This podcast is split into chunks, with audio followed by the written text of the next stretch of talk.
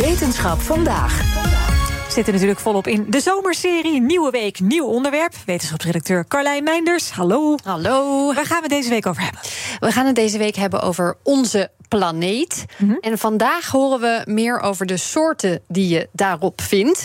Lidian Bosman van de Universiteit Utrecht neemt ons meteen even mee naar de mysterieuze Wallace-lijn. Een denkbeeldige lijn die door Indonesië loopt, onder andere tussen Bali en Lombok door. En dat is een lijn die is op de kaart getekend of ontdekt door uh, Alfred Wallace. Die ging op expeditie daar in uh, 1850, 1860, die tijd. En hij zag dat aan weerszijden van die lijn hele andere soorten leefden. Dus echt, echt enorme verschillen. En dit is dus iets wat in de biologie al sinds 1860 nou ja, op die kaart staat getekend. Maar eigenlijk met een soort van vraagteken erbij van hoe kan dat nou? Want ja, Bali en Lombok, eilandjes, die liggen hartstikke dicht bij elkaar. Uh, klimaat en landschap op die eilanden is, is heel erg hetzelfde.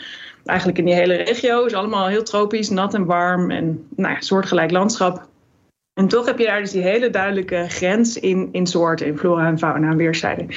Ja, dus dat is toen al op de kaart gezet en eigenlijk nooit helemaal opgelost hoe dat nou komt. Dat is fascinerend natuurlijk. En dat is dus ontdekt door die Alfred Wallace. Ik had nog nooit van de beste man gehoord. Ja, dat, dat? is- dat is misschien wel een beetje onterecht. uh, want ook hij was bezig met de evolutietheorie. Evolutietheorie, dan denken we altijd aan Darwin. En die heeft inderdaad de Origin of Species geschreven, waarmee hij dat de wereld in heeft gebracht. Maar Wallace was, was met precies dezelfde dingen bezig, rondom hetzelfde moment. En het is zelfs zo dat toen Darwin hoorde van de ideeën van Wallace, heeft hij vaart gezet achter het schrijven van zijn boek. Zodat hij dus de eerste was die met die evolutietheorie kwam.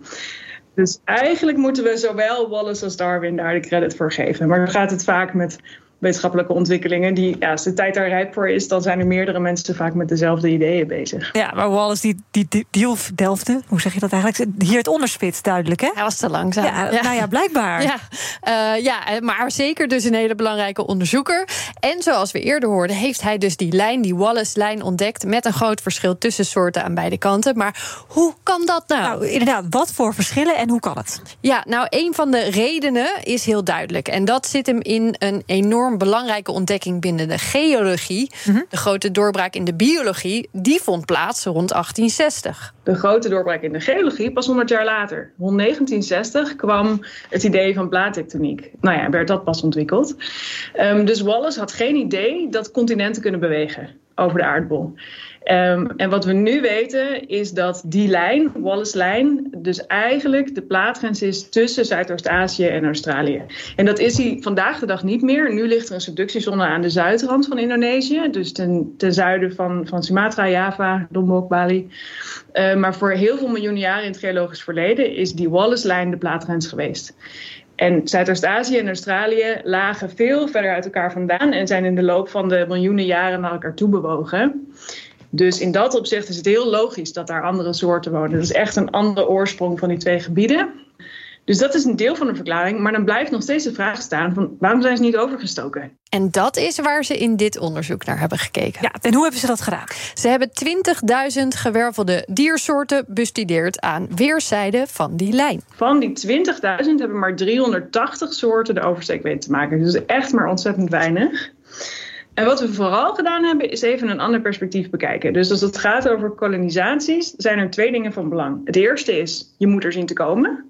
En dat is waar heel veel, heel veel studies op hebben gefocust. Van waarom kunnen ze die oversteek nou niet maken? Maar het tweede is, als je die oversteek maakt, moet je als soort wel aangepast zijn en geschikt zijn voor de omstandigheden op dat nieuwe land, op dat nieuwe eiland. En wij laten zien dat dat eigenlijk veel belangrijker is hier.